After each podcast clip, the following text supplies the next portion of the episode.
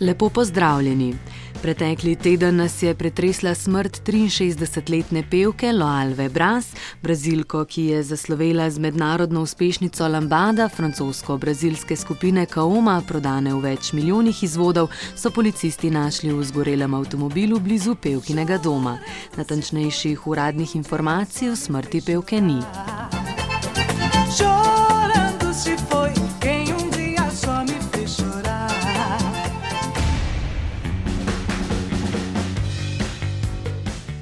Noti Boy bo izdal pesem, ki jo je ustvarjal z Georgeom Michaelom, ta je nastajala v začetku decembra, malo pred Michaelovo smrtjo. Noti Boy, ki trenutno snema album Soul Priredb založbe Motown, poleg tega pa tudi nov album izvirnega gradiva, pravi, da se je George Michael pred smrtjo vrnil v studio in ustvarjal nov album, zato upa, da bo njegova glasba živela še naprej, da bo on del tega pa si šteje v veliko čast. Dodal je še, da je pesem iz spoštovanja konec preteklega leta pustil pri miru, pred tednom pa se je odločil, da se ji bo spet posvetil, kaj bo nastalo, pa bomo kmalo slišali. Lahko se zgodi, da se začenja ena od najpomembnejših sodnih bitk v glasbi.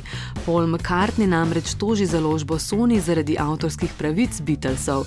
Zvezdnik skupine se je obrnil na sodišče v želji po novični pridobitvi pravic za 267 pesmi legendarnega benda. Te skuša pridobiti nazaj vse od leta 1980, ko mu jih je izpred nosa odnesel takrat dober prijatelj Michael Jackson. Lani so se Jacksonovi dediči odločili te pravice prodati za poravnavo dolga v Soniju, a McCartney to izpodbija in trdi, da je do njih upravičen on.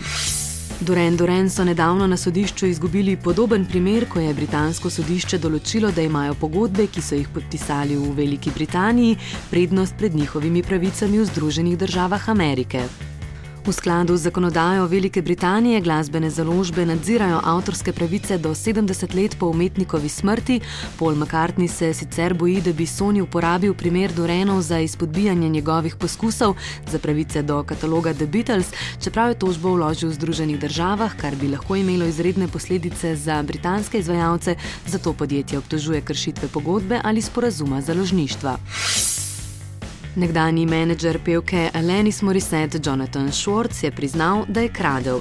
Vodil je pevkine bančne račune in v njenem imenu plačeval stroške, ter je tako med letoma 2009 in 2016 odsvojil 4,8 milijona dolarjev, drugim zvezdnikom, ki so mu prav tako zaupali svoje finance, pa še dodatna 2 milijona.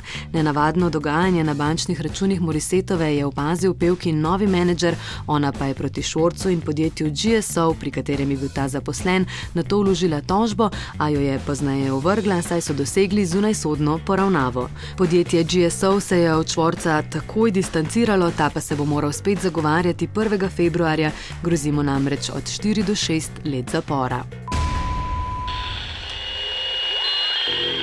Za konec pa še dobra novica: duet gorila si je nazaj.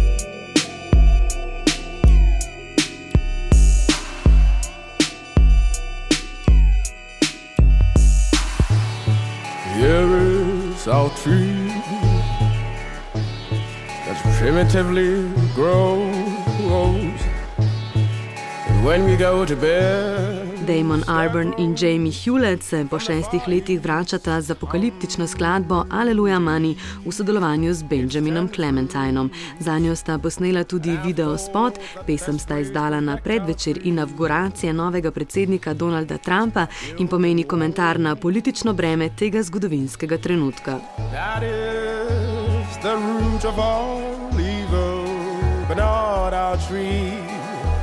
And thank you. afraid for trusting me. Hallelujah. Hallelujah, money.